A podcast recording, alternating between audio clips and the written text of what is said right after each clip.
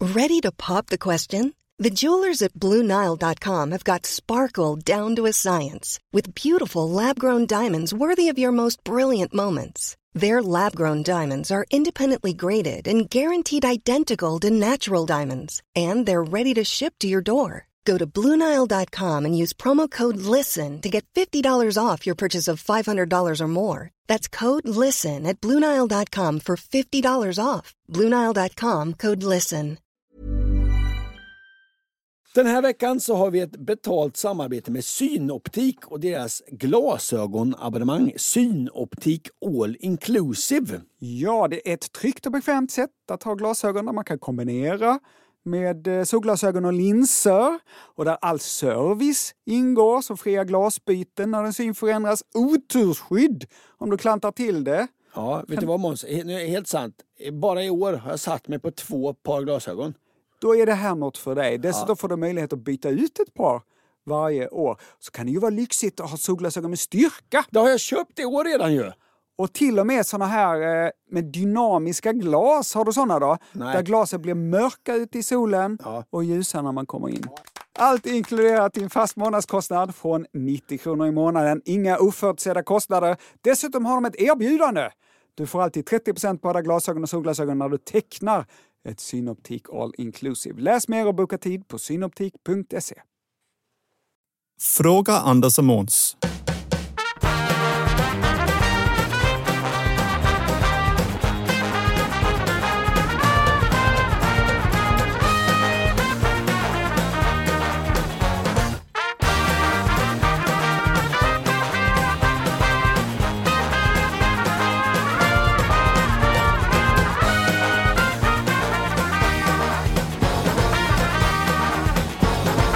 Hej älsklingar! Ni lyssnar på Fråga Anders och Måns, den där podden som vi gör tillsammans. Ni skickar in frågor och vi försöker besvara dem och sen rättar ni oss. Så det är minst lika mycket ni som vi som gör denna podden. Och med vi, då menar jag eh, mig, Måns, och, dig Anki Ankan Johansson. Ja, ja, just Hej det. Anders! Hej. Hur står det till? Det är bra. Jag är nyss hemkommen till Malmö. Från? Stockholm. Jag har uppträtt på Raw Comedy Club. Oj, vad tufft! Ja, lika roligt varje gång. Dels att uppträda såklart, men att jag ska stå och uppträda på en scen som ska vara lite rå. Mm. Måns Nilsson, jag är inte rå. Jag är lika rå som ett kokt ägg. Det är lite som att be Måns Nilsson ställa upp i sumobrottning. Ja, det kommer bli underhållande, men det är ändå tydligt att någonstans är det något som är fel. Det kommer bli underhållande av fel anledningar kanske. Jag hade hur som helst väldigt roligt. Vad har hänt dig sen sist? Jag har blivit av med mina airpods. Nej, det är så lätt hänt. Man tar ur dem ur det där elektriska fodralet och lägger dem i fickan. Tänker jag kommer ni ihåg dem, så gör man inte det. Jag har blivit av med hela fodralet och allt och det smärtar mig att erkänna. För jag är inte en person som blir av med saker. Nej, du är ingen slarver. Jag är mer en person som hittar saker. Men nu har jag alltså behövt återgå till hörlurar med sladd. Ja, Som om det var 1800-tal. Som om jag precis sålt tillräckligt många jultidningar för att få min första freestyle. Dessutom har jag i veckan varit tvungen att göra trädgårdsarbete. ja det, tycker, det tycker du om. Åh, vad tråkigt. Rensat ogräs, räfsat, säckat örat. Fy fasiken vad tråkigt. Men så fick jag också klippa buskar med en ganska stor elektrisk häcksax. Ja, ja, en sån där sågtandad sak. Och det var faktiskt ganska roligt alltså, vad jag köttade! Buskarna hade ingen chans! Till slut var det nästan bara stam kvar. jag klippte ner som svensk filmcensur på 70-talet. Ja. Oj, oj, oj, oj. oj. För några år sedan så såg jag Johan Glans stå och uppa om hur han använde precis en sån där elektrisk häcksax och råkade klippa av sladden. Ja, jag har gjort det själv. Ja, det gör Ja, Det är nog lätt hänt. Ja. Jag fnissade till gott när jag upptäckte att min häcksax då hade en superkort sladd, alltså typ 20 centimeter bara. Så kort att det inte går att klippa av. Nej, man klipper av förlängningssladden. Ja, det är ju det att eh, häcksaxen är elektrisk så den behöver ju eh, Ja. någon typ av sladd. Ja. Och Anders trodde att jag lyckades klippa av den här förlängningssladden. då. Ja. Sladden fladdrade fram, Ja. jag klippte i den, Ja. men den gick inte av. Nej. Yes! Ja. Yes, yes. Men den är farlig nu. Nu är den livsfarlig. Den borde kasseras. Däremot, en stund senare så klippte jag fanta mig av min hörlurssladd. Musiken tystnade tvärt. Ja. Jag tittade ner på en stump av en vit sladd som hängde och dinglade under min haka. Förargligt. ja, ja. Så nu har jag varken airpods eller hörlurar. Det kan vara ganska jobbigt att rensa ogräs och eh, man får inte glömma att alla heller inte har hälsan att sitta på huk i flera timmar och för att ta upp de här envisa ogräsen som tar sig upp överallt. Har det hänt något mer sen sist, Ankan? Nah, hänt och hänt. Du vet Måns, en hel karriär så har eh, jag, men också vi, skojat om allergiker. Mm, just det, att det var mesigt att vara allergiker. Ja, jag minns när vi började göra sketcher för första gången på Radio AF, alltså studentradion i Lund. Det är nästan 30 år sedan och vi gjorde en topplista med mesiga allergier. Dammallergi vann minns jag. mm, gräsallergi var nog med. Sen har eh, de 30 kommande åren innehållit ständigt, inte jättetätt, men väl glest återkommande, tillika orättvisa retsamheter riktade mot allergiker. Det är så jävla mesigt att vara allergisk, eller hur? Ja, det är överkänsligt. Ja, du och jag har ju inga allergier. Nej. Det vore ju nesligt om eh, jag nu blev allergisk. Nu när jag visat små doser svaghetsförakt konstant i tre decennium. Jag har blivit allergisk. Har du det? Det är ingen fara. Men nu är det ju vår och lite av en pollenchock. Och jag blir liksom lite förkyld varje gång jag går ut. Det rinner lite i ögonen och i näsan och jag nyser. Sen är jag inomhus en stund och då är allt lugnt igen. Har du identifierat vilken som är den bo- boven, pollenboven i dramat? utomhus. Jag sållar mig alltså till skaran av människor med bristande förmåga att överhuvudtaget vistas utomhus. Utomhus, Ja. som ju var eh, den plats där våra förfäder befann sig allra mest. Ja. Nu är det ute. Jag är en mes, en supermes. Ja. Nu börjar vi svara på lyssnarfrågor. Nej, Jag hade på känn att du var en Att jag medsankare. skulle ge upp. Där björkarna susa sin milda sommarsång och ängen av rosor blommar Dags att svara på lyssnarfrågor och jag inleder som vi ofta gör nu för tiden med vårt forum för de lite korta svaren. Nämligen 333 snabba Hej! Varför heter det källsortering? Kan det vara för att när sortering av avfall initierades i Sverige så skedde det i källarlokaler? Kanske var det Kjell som var upphovsman? Eller kommer det att man sorterar vid källan? Tack för en fantastisk podd! Hälsningar Micke i Linköping. Vad tror du Måns?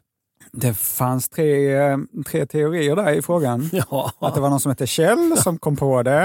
ja. Att man, Man var i sorterar kä- vid någon käll... Ja, Källare? eller i en källare. Ja, eller vid källan. Källsortering. Jag vet inte riktigt. Sortering eller separering av avfall på samma plats där avfallet uppkommit. Alltså i till exempel hushållet, alltså om man sorterar vid källan. Så om du är hemma så är källan till soporna hemma. Hemma är sopornas, kan man säga, hälsobrunn. Det vill säga källa. Fråga två!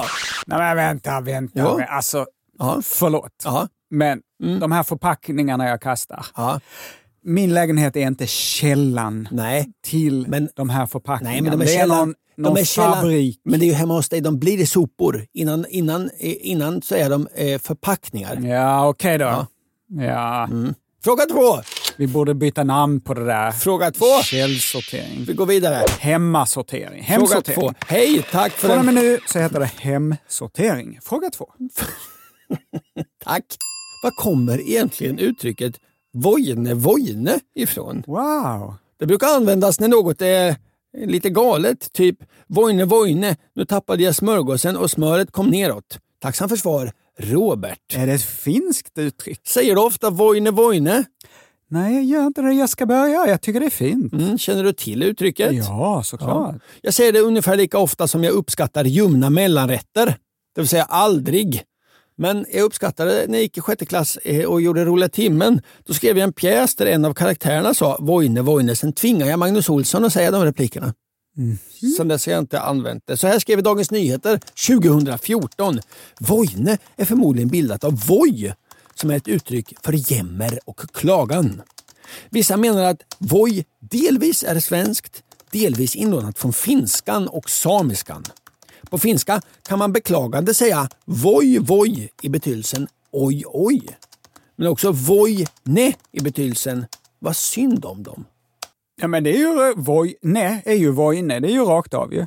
Så här säger P4 Västernorrland. Att utropsordet vojne blev känt och spritt kan bero på att det användes ett flertal gånger av Hans Alfredsson i en sketch av Kardemumma, Den stulna filten, i ett tv-program år 1983. Ja, där har vi lite kort om uttrycket vojne vojne. Fråga tre. Hej! Jag har tänkt på sallad en del. Bra start på ett brev, eller hur? Vad är sallad? Finns det en definition av sallad? Om ett blad är ätligt, blir det då automatiskt sallad? Måste sallad vara en ört eller kan det även vara trädens blad som ibland blir sallad om de är ätliga och välsmakande? Adjö, Anders Sköld. En gång så hävdade jag att, det, fa- alltså, att liksom, att ett salladsblad kunde hela, he, heta salat. Mm. Och du hånade och hånade och hånade mig. Och så var det jag som hade rätt. Men Mm. Vad är- sallad är väl en maträtt? Sallad är väl något man gi- tillagar? Låt oss städa upp i den här röran. Vad är Den här sallad? salladsdjungeln. Ja, vad är sallad och vad är salat? Som sagt, en gång retade jag dig för att du sa haha, sa du salat? Salater har man i sallad, men är alla blad som är ätbara salater? Vi ska reda upp. Alltså, sallat, eller salat, är det svenska namnet på släktet korgblommiga växter. Mm, och här har vi då isbergssallad och huvudsallad. Och, och så det är gamla kulturväxter som man har odlat då i tusentals år. Sallad, det är alltså maträtten som brukar innehålla salat. Sallat, eller salat, växten, sallad, maträtten. Och grönsallad, det är ju, det är ju maträtt. Så hittar du ett gott löv och det ligger i en maträtt, ja, då är det sallad. Så att alla blad som går att äta kan bli sallad. Men kan det bli salat? Nej, Nej, för det är ju kan ju in- inte. det är ju ingen korvblommig växt. Kan man ha kött i en sallad? Absolut, det finns väl köttsallad och skinksallad? Kan man ha lampa i en sallad? Nej. kan man ha väska i sallad? Väska? Ja, En väsksallad? det, det går inte för att det är ingen maträtt längre. Nej. Nej, så det- allt kan inte bli sallad. Nej. Nej. Det, där, där är vi överens. Det var... eh, Ska du göra ingen Mm. nu? Tre, tre, tre. Nej, vi kör den riktiga. Det blev inte bra. Oj, oj, oj Ankan, spänn fast dig. Axel från Umeå har skickat en fråga. Hej fina Anders och finfina Måns. Oj. I er systerpodd Stormens utveckling menar programledaren Ola Söderholm i två olika avsnitt att han inte vet vad en minotaur är. Vilda sammanblandningar med kentaurer förekommer. Red gärna ut detta för min bror vill inte lyssna på deras podd på grund av detta. Kram Axel från Umeå. Mhm. Ja, jag reder gärna ut det här. Ja, det är ju lite av ditt eh, mellannamn. Jag reder ut det här. Måns, jag reder ut det här. Nilsson.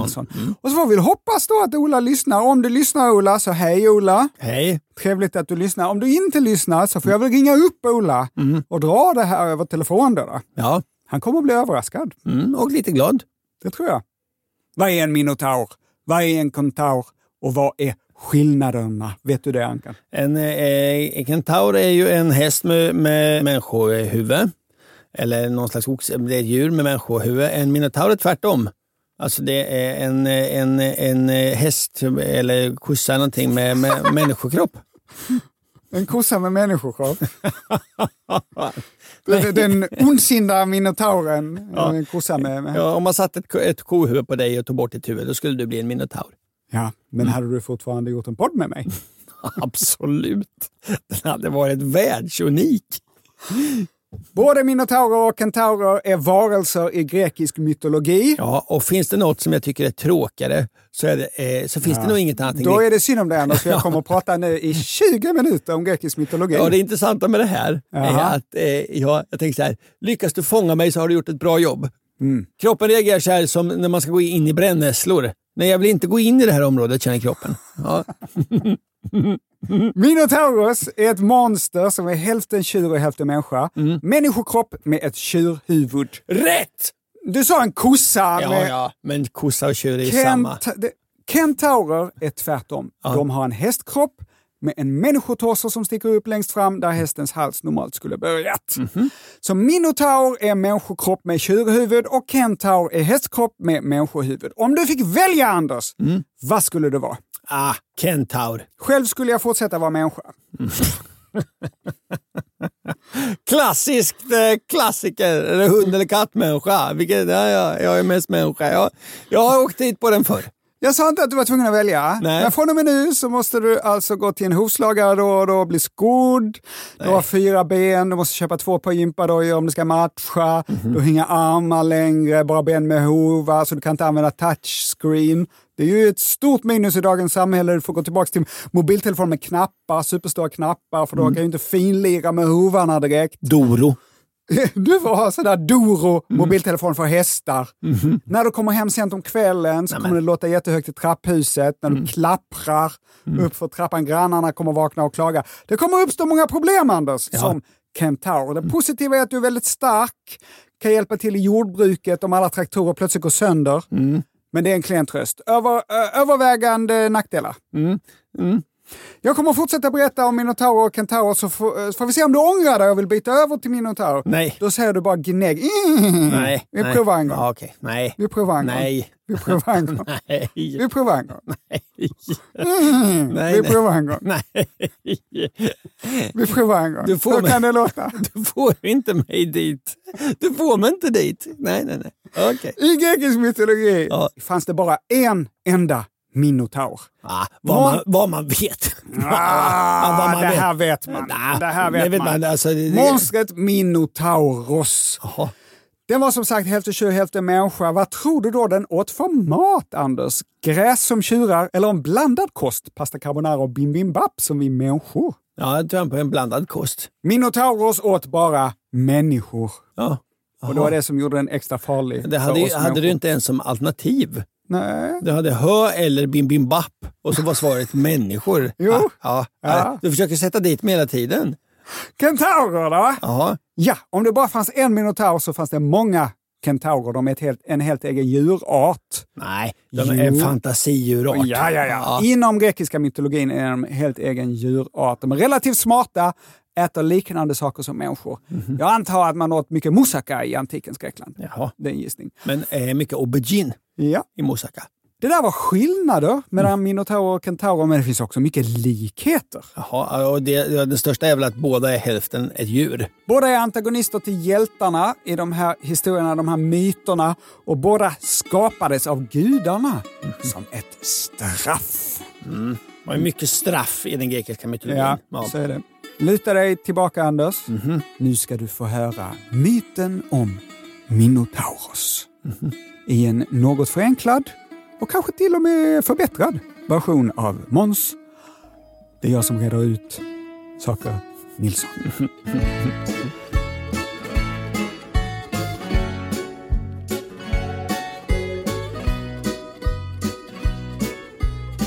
Kung Minos av Kreta tävlade med sina bröder om tronen. Han bad guden Poseidon om hjälp och som en symbol för sitt löfte att hjälpa till skickade Poseidon en snövit tjur till Minos. Mhm. Man kan tycka att det här var lite omständigt. De hade eh, kanske kunnat skriva ett avtal eller bara tumma på det eller att Poseidon skickade något annat som var kritvitt. Kritvitt A4-papper. Mm. Ja, men eller det blev något. det en, en, en kritvitt djur. Ja, precis. I vilket fall. När Poseidon skickade tjuren så berättade han klart och tydligt för Minos att Minos skulle offra den här tjuren åt Poseidon. Anders, tror du att Minos gjorde det? Nej, det handlar ju om hämnd så det tror jag inte Minos gjorde. Nej, Minos blev väldigt förtjust i den här vackra tjuren. Usch, han var lite snuskig Minos. Jag vet inte om han blev förtjust på det sättet, men han ville ha kvar den snövita tjuren, ville inte döda den, offrade istället en annan ful tjur. Anders, hur tror du att Poseidon tog det här? Jag tror han tog det med vrede. Just det. Just det. Poseidon blev rasande och hittade på ett straff åt Minos. Ett ganska långsökt och komplicerat straff.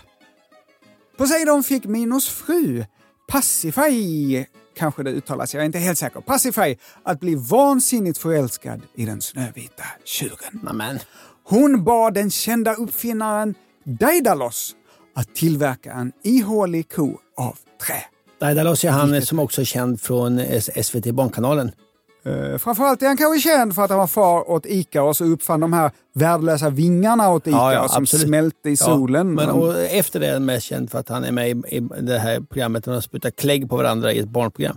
är, det en, pa- är det en riktig människa som heter Daidalos? Ja, men det är väl han, eh, skåd- Dramatenskådisen som spelar Daidalos. Eller, Jag tittar inte på barnprogram nu för nej, tiden. inte jag heller nu för tiden. Börje Ahlstedt? Leif André! Slime-tanken är fylld till bredden På höjden och på hela ledden Så får vi lov, så får vi lov att sjunga Krampusvisa Anders, varför tror du att Pacify ville ha en ihålig ko av trä? Nej, det vet jag inte varför hon ville ha. Nej.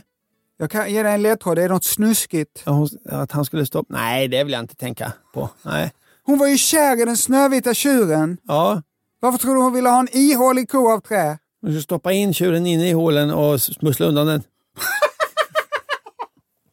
nej, jag vet inte. Hon skulle smyga in i ihåliga kon och, och lyckas ha sex med den snövita tjuren, lura tjuren att ha sex Det med är henne. skitsnuskigt. De var perversa de gamla greckerna när de hittade på sina myter. det är inte ja. mitt fel, eller hur? Nej, nej.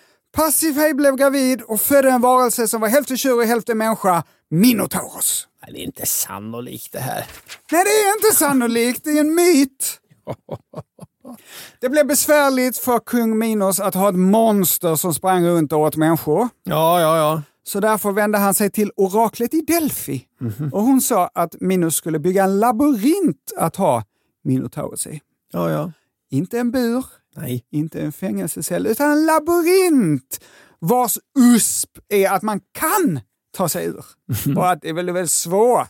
Mycket, han var med och tipsade eh, om ett staket. Exakt! Uppdraget att göra labyrinten gick återigen till uppfinnaren Daidalos, han som med så framgång hade gjort den här ihåliga kossan. Ja, och som också har stor framgång på Sveriges Television Barnkanalen i form av Leif André. Slimet rinner över spisen Muttern äter så det fiser Så får vi lov, så får vi lov att sjunga Mutters visa Sagt och gjort, Leif André byggde labyrinten och de stängde in Minotaurus längst inne i den och matade honom vart nionde år med sju pojkar och sju flickor. Ah. Sen föll det sig inte bättre än att kung Minos son dog och att han anklagade atenarna i Aten för dödsfallet. Jag var tur att han inte an, eh, anklagade typ antenarna i liksom Borås eller så. Ja, ja, ja. Minos var ju kung av Kreta Ja, och att Kreta och Aten, de hatade varandra. ja, ja. Minos anföll Aten. men- Människorna som bodde där alltså. Ja. Städerna i sig hade väl inte känsloliv på det sättet? Det vet man aldrig. Nej. Kung Minos anföll Aten och besegrade dem och bestämde att från och med nu då skulle atenarna behöva skicka de här pojkarna och flickorna som man skulle mata Minotauros med. Det var såklart tråkigt för atenarna, så vid tredje tillfället så beslöt prinsen av Aten, Tesevs, att han skulle åka med till Kreta under förevändningen att han var en av dem som skulle offras, men väl där döda Minotauros. Han informerade sin far, kung Aigevs, eller Aigeus kanske, jag vet inte riktigt hur det uttalas, A-I-G-E-U-S, Ja. E kung Aigevs. Och Tesevs kom också på en himla dum idé. Han sa till sin far att om han lyckades med det här superfarliga uppdraget Ja. att döda minotauren så skulle besättningen på hans fartyg på väg tillbaka till Aten byta ut det vanliga svarta seglet mot ett vitt för att symbolisera seger. Anders, tror du att den här korkade korkade idén är ett upplägg för något som kommer hända senare i berättelsen? Absolut. Tesseus åker till Kreta och träffar prinsessan Ariadne som ger honom ett svärd och ett garnnystan Ja. för att han ska hitta ut ur labyrinten när han väl dödat Minotauros. Det här garnnystanet, det där känner man ju till eh, ganska väl. Det har man ju hört talas om tidigare. Ja, att man använder garnnystan för att hitta ut, ja. Ja, det kunde han alltså inte tänka ut själv, den korkade Tesefs. Tesefs går in i labyrinten, lägger snöret efter sig, lyckas döda Minotauros och hittar dessutom ut genom att följa snöret tillbaka. Succé! Succé! Ja. Men på väg tillbaka till Aten Ja. så glömmer den korkade Tesefs att byta ut det svarta seglet mot ett vitt. Och hans far, kung Aigevs, Aigeus, som verkar minst lika korkad som Tesefs, förutsätter att hans son har dött under resan.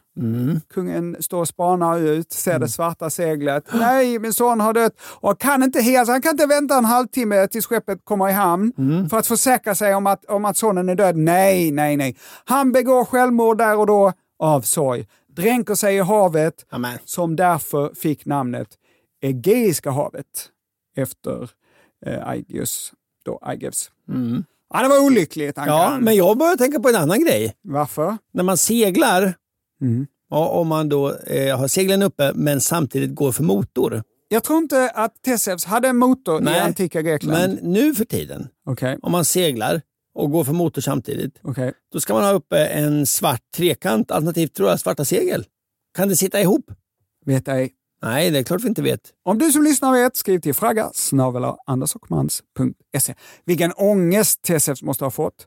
Hans tankspriddhet gjorde att hans far tog sitt liv. Ja, nej, det är sånt som man ligger vaken på om natten sen efteråt. Ett annat tecken på att Tesseus inte hade alla hästar hemma är att han senare döpte en son till Hippolytos. Det är inte schysst. Hippolytos?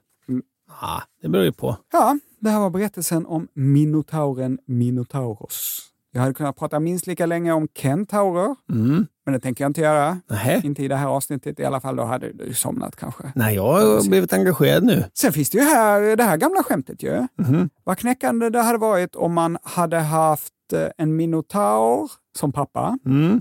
och en kentaur som mamma. Mhm. Och att man själv då liksom fick underkroppen från pappan, överkroppen från mamman och blev en helt vanlig människa.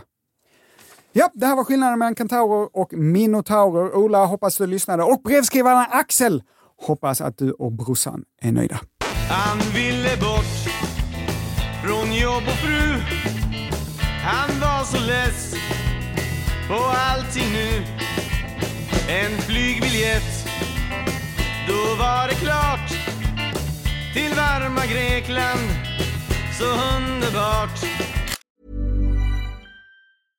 Hey, I'm Ryan Reynolds. At Mint Mobile, we like to do the opposite of what Big Wireless does. They charge you a lot, we charge you a little. So naturally, when they announced they'd be raising their prices due to inflation, we decided to deflate our prices due to not hating you. That's right. We're cutting the price of Mint Unlimited from $30 a month to just $15 a month. Give it a try at mintmobile.com slash switch. $45 upfront for three months plus taxes and fees. Promo rate for new customers for limited time. Unlimited more than 40 gigabytes per month. Slows. Full terms at mintmobile.com.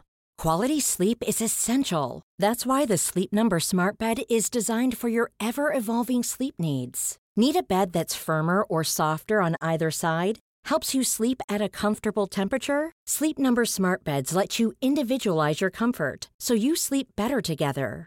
JD Power ranks Sleep Number number 1 in customer satisfaction with mattresses purchased in-store. And now, save 50% on the Sleep Number limited edition Smart Bed for a limited time. For JD Power 2023 award information, visit jdpower.com/awards. Only at a Sleep Number store or sleepnumber.com. Cool fact a crocodile can't stick out its tongue. Also, you can get health insurance for a month or just under a year in some states. United Healthcare short term insurance plans, underwritten by Golden Rule Insurance Company, offer flexible, budget friendly coverage for you. Learn more at uh1.com.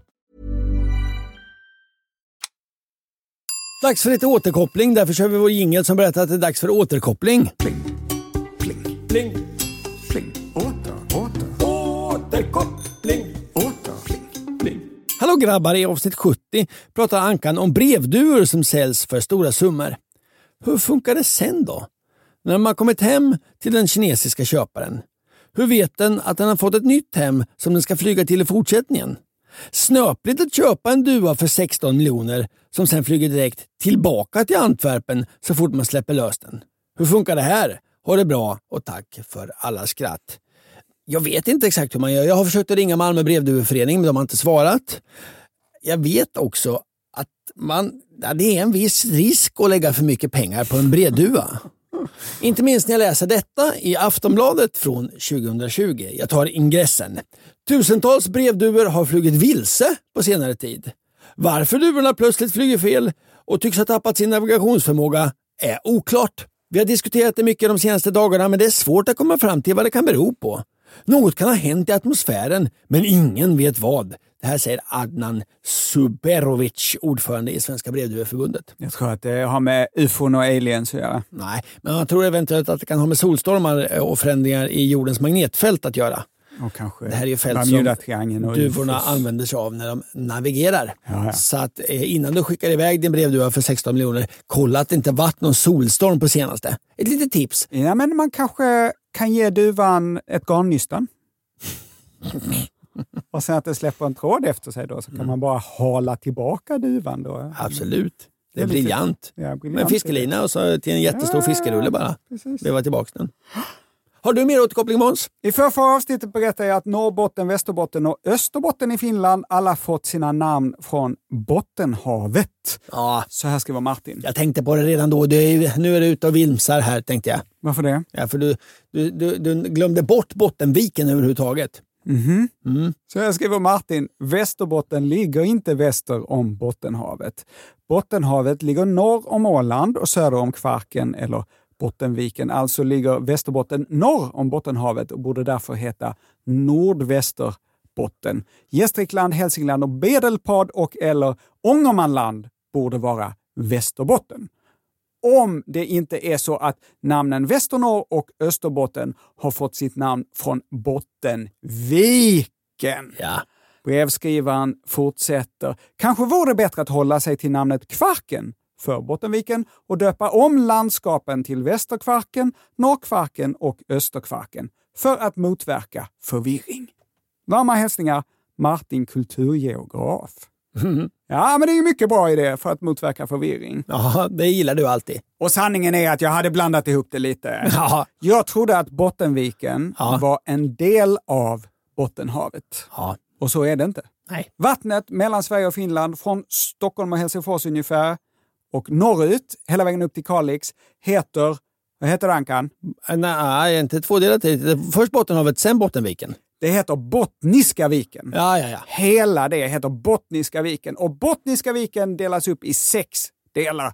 Här kommer de, Ja. från norr till söder. Jaha. Bottenviken längst upp i norr, Ja. sen Norra Kvarken, Ja.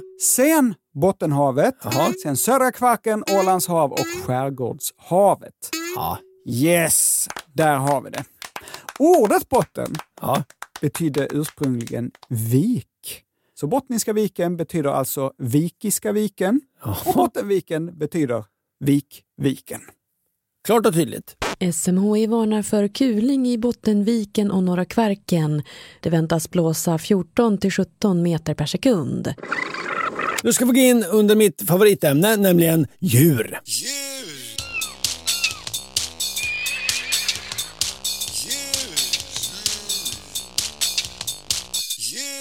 Hej!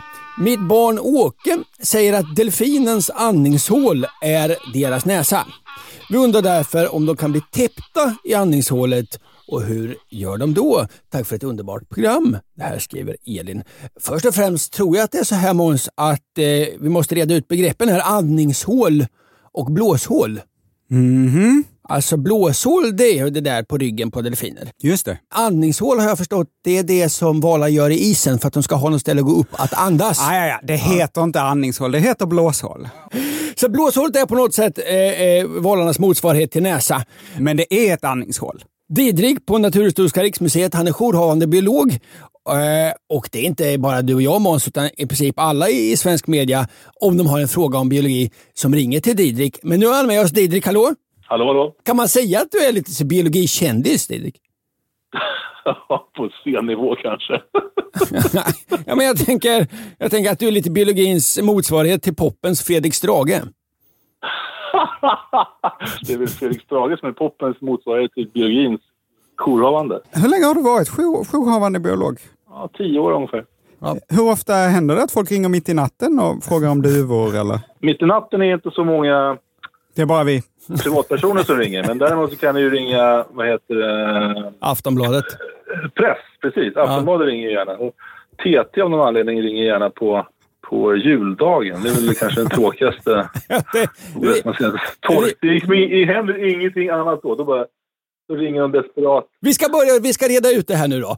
Först och främst, eh, blåshålet Det är liksom eh, valarnas andnings... Det är deras motsvarighet till näsa, det kan man väl säga? Ja.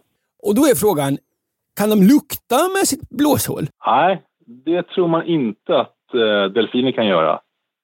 Eh, Man har kollat både på tandvalar, dit delfinerna hör då, och eh, på, på bardvalar. Och tandvalarna verkar inte ha någon förmåga att känna lukt i luften via blåshålet överhuvudtaget. Men bardvalarna verkar det finnas en del som i alla fall kan känna lite lukter. Mm. Och eh, man tror till exempel att grönlandsvalen, som är en arktisk bardval, Mm. eh, att den kan känna lukten av krill på långt håll. Då. men- där där men då- finns precis- mycket krill. Där luktar det inte eh, rosenblad. Liksom. Jaha. Och, och då, eh, då lo- råkar jag känna till där, där det finns mycket krill så luktar det som kålsoppa.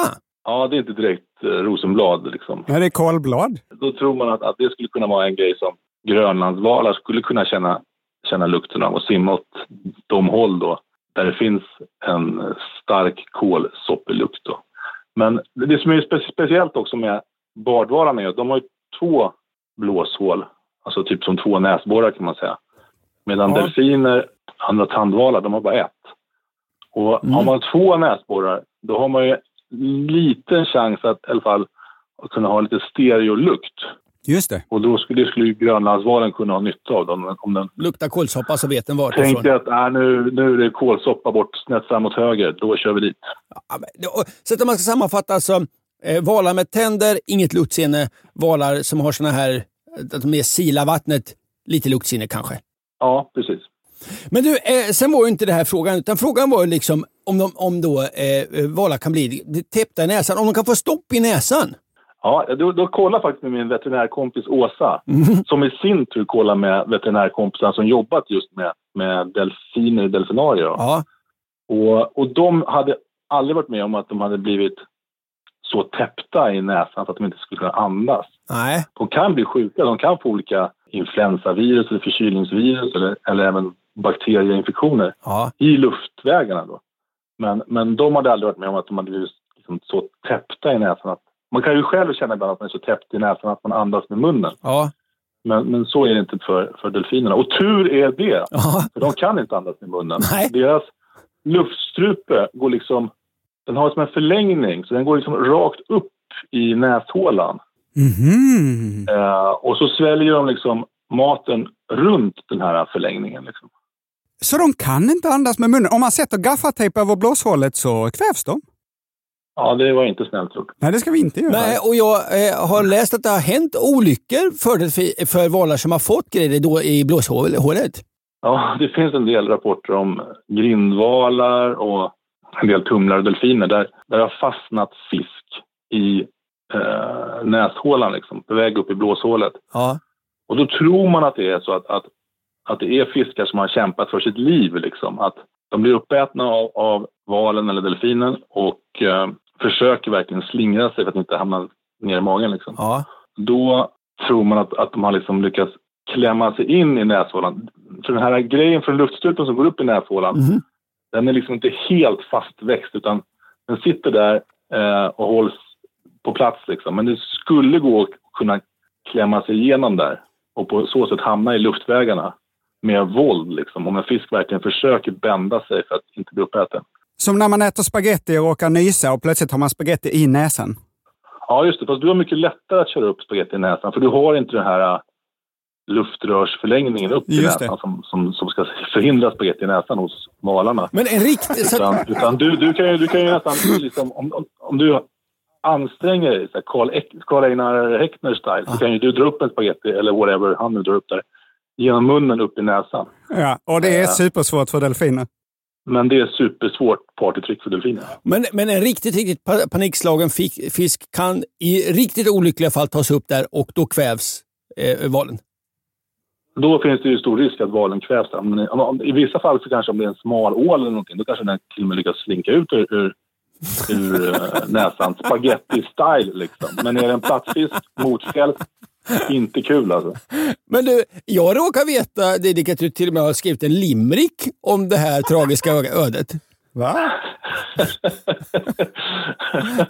ja, vi... Du, eh, kommer du ihåg limericken eller ska jag läsa den för dig? Nej, jag tog fram den precis här nu. Ja, ja, kör, kör, kör, kör! Ja. Det här handlade om en grindval. Det var en, en långfenad grindval från Nordsjön försökte höja sin stämma till Tordön. Men när struphuvudet brast så att en tunga så fast att rösten lät mest som ett mordstön. Oj, oj, oj! Så i det här fallet så var det plattfisken tunga då som hade fastnat i den här grindvalen. Men du, då har vi ju rätt ut det här mycket eh, redigt och noga. Eh, Det är alltid en fest att ha dig med.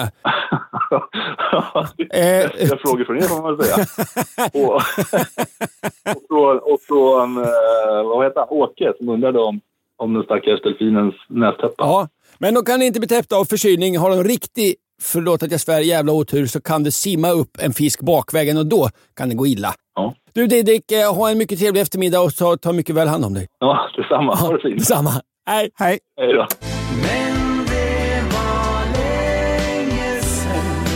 Vindarna kan vända så ännu kan en sjöman längta hem Ankan, nu blir det grabbigt. Oj, det, blir jag lite, det brukar jag vara lite känslig för. Det blir lite väl grabbigt nu kanske. På vilket sätt? Får Ja, jag vi gissa? får se. Ja, säg. Det ska handla om, eh, om, om, om, om eh, är det kiss och bajs nu? Eh, Ja, det är det. Nej. Det är kiss och bajs. Okej, låt oss höra. Men eh, det är också intressant. Grabbigt men lite intressant. Ja, Det går ju att kombinera. Så här skriver Mackan. Tjena! Tjena! Jag och en kompis satt och såg filmen Batman Begins ikväll. Då är det en kille som blir dödad när han står på toaletten och kissar. Båda två började direkt fundera på om man slutar kissa då eller fortsätter tills man tömt blåsan, så att säga. Med vänlig hälsning Mackan. Ja, men det är en ganska grabbig fråga. Ja, det får man ju säga. Mm, Men ändå en bra fråga. Ja. Jag skrev in den här frågan i ChatGPT. Jag skrev “Kissar alla människor som dör på sig?” Och då svarade ChatGPT så här, citat. Nej, det är inte vanligt att människor kysser andra människor som har avlidit. Det finns olika sätt att visa respekt och sörja för en avliden person, men att kyssa dem anses generellt inte vara en traditionell praxis i de flesta kulturer och samhällen. Ja, det här, med, det här med AI blir ju bättre och bättre. ChatGPT blandade alltså ihop kissa och kyssa. Ja. Ja, så då skrev jag in så här. Nej, inte kyssa. Kissa. Och då svarade ChatGPT så här. Citat. Jag ber om ursäkt för missförståndet. Såklart. Nej, det är inte vanligt eller socialt accepterat att kissa på människor som har avlidit. Att kissa på någon är inte en respektfull eller passande handling i något sammanhang. Nej. Särskilt inte när det gäller en persons död. Nej. Alltså det är fantastiskt med AI. Alltså, det blir bättre och bättre. Och nu antar jag att jag är bannad från att besöka bårhus och begravningar i hela världen Ja, Framförallt i Kina. och har säkert hamnat på någon lista över registered sex offenders och, och så. Men ChatGPT har ju helt rätt på, på sätt och vis. Man Ja, ska att man- inte kissa på avlidna. Nej, Mm. eller kyssa avlidna. Det känns Nej. lite of... o- Ja. Ja, ja. Men det var ju inte det som var Mackans fråga. Nej. Det var ju inte så att Batman ställde och kissade sig på killen som blev dödad. Nej, nej, nej, det var en kille nej. som blev dödad och då fortsatte han kissa var frågan. Jag bestämde mig för att söka information på mitt vanliga gamla sätt genom att binga och altavista. Mm, Detta händer med kroppen när du dör. Hjärtslagen och andetagen upphör mm, och cellerna i kroppen använder upp det sista syre som finns kvar. De första sekunderna efter hjärnstoppet ökar faktiskt hjärnaktiviteten. Mm, det, jag har läst om det, att det är då man, man kanske gissar då att man ser ljuset i tunneln och, och allt det där. Just det, neurologen Jimo Borgigin Bra namn. från University of Michigan mätte hjärnaktiviteten hos råttor före och efter döden. Hur han gjorde detta var nog inte helt schysst. Jag tror tyvärr inte att han satt och väntade på att råttorna skulle dö en naturlig död. Det kan vi inte veta. Det vet vi inget om. I vilket fall, i 30 sekunder efter hjärtstoppet så fortsatte hjärnvågorna att fluktuera på samma sätt som normalt och till och med med ökad aktivitet. Och precis som du var inne på så kan det ju vara därför som människor som återupplivas efter en hjärtattack ibland berättar om drömlika syner. Men det här med att kissa på sig då? När du dör slappnar dina muskler av, däribland dina ringmuskler. Såklart. Och ringmuskler har vi på några ställen i kroppen. Munnen är en ringmuskel. Ögonen. Inne i ögat kan pupillen ändra storlek eftersom regnbågshinnan, eller iris som det också heter, styrs av en ringmuskel. I magsäcken är övre magmunnen en ringmuskel. Nedre magmunnen också väl? Kanske, det, det, det stämmer säkert. Det stämmer säkert. Ja, ja, jag vet inte. Ja. Men på övre magmunnen, precis där har jag ett stort R från när jag var bebis. Och eftersom jag sitter med bara överkropp så kan du se ärret här. Kan- Ser ja, du det? Ja, ja. Ser du det? Ja, jag ser det där. Ja. Så jag antar att något var fel. På magmunnen? Ja, jag tror inte att de opererar mig för skojs skull. Nej, det tror jag inte. Jag har också ett stort oförklarligt ärr uppe i hårbotten. Jaha. Nu när jag har fått vika så syns det mer och mer. Ingen av mina föräldrar vill kännas vid att de har tappat mig på skallen. Nej. Så det där ärret har tydligen bara dykt upp av sig självt. Jaha, men vad har det med ringmuskler att göra? Ingenting. Nej. Men ändtarmen är naturligtvis också en ringmuskel. Vår mest kända ringmuskel. Ja, ja. Ringmusklernas Harry Styles. And I'm really, really grateful for this, and I'm very aware of my privilege up here tonight. Munnen, ögonen och övre magmunnen är Liam, Louis, Nile och Zane. Mm. Folkbandsreferenser här. Just det. Är du en directioner, Anders? Nej, absolut inte. När en ringmuskel slappnar av så öppnas den. Och har du hört det här någon gång då, Anders? När man dör så bajsar man automatiskt på sig. Nej, det har jag inte hört. Har du aldrig hört det? Nej. Jag har hört det många gånger, men det stämmer inte Nej. riktigt. Ringmuskeln slappnar ju av som jag har berättat och därmed kan tarminnehållet rinna ut. Mm. Men vid normal tarmtömning, som du eh, utövar dagligen Ankan, Ja, de flesta av oss. så samarbetar väldigt många muskler. Musklerna i tjocktarmen drar ihop sig och pressar fram avföringen mot ändtarmen.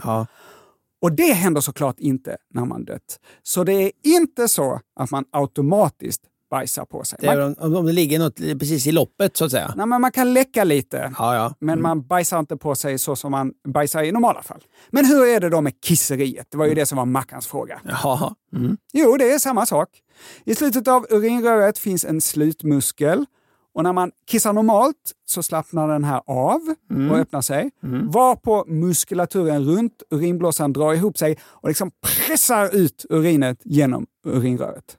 Så när man dör så kan urinen rinna ur om urinblåsan är välfylld. Detta är vanligt, men det är inte så eh, som när man normalt kissar. Nej.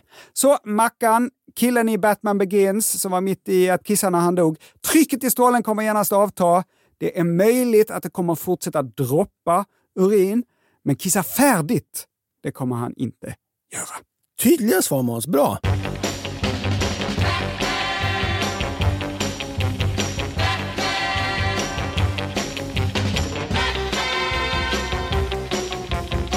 Det här avsnittet går mot sitt slut. Ska jag dra en sista återkoppling? Gärna! Den kommer från Niklas. Hej Anders och Måns. Här kommer lite återkoppling om formatkriget mellan Betamax och VHS. Just det, just det. Videobandspelaren Betamax lanserades som ett sätt att spela in program från tv och titta på dem i efterhand. De flesta tv-program var max en timme långa, så Betamax-kassetten designades med kapacitet att spela in 60 minuter. JVC däremot valde en något större kassett för sitt format VHS och i denna större kassett fick det plats med ett 62 längre magnetband. Genom att dessutom ha en något lägre hastighet på bandet, vilket medförde något sämre bildkvalitet, så fanns det plats för upp till 120 minuter video på en VHS-kassett. Det vill säga tillräckligt för de flesta långfilmer på den tiden. Detta var helt avgörande för utbudet av hyr och köpfilmer. Med vänlig hälsning, Niklas. Det där minns jag mycket tydligt. Vadå? Min brorsa hade spelat in det som var hans favoritfilm på eh, VHS, Jaha. nämligen Birdie. Ja. Ja, och jag såg den där och tyckte det var en fantastisk film. Det blev också min favoritfilm. Men den var över 120 minuter. Jaha. Så de sista kvarten typ, den har jag aldrig sett klart. Han dör. Ja, sen har jag gått och sett, eh, nej, sen har jag gått och sett teaterföreställningen så jag vet hur det slutar. Inte för att spoila, Nej. men han överlever. Men fortsätt gärna skicka frågor till oss. På vilken adress Ankan? Fraga snabel andersochmans.se. E. Vi hörs igen nästa vecka, för då är det nästa vecka. Tills dess, ha det så bra. Hej då. Puss och kram.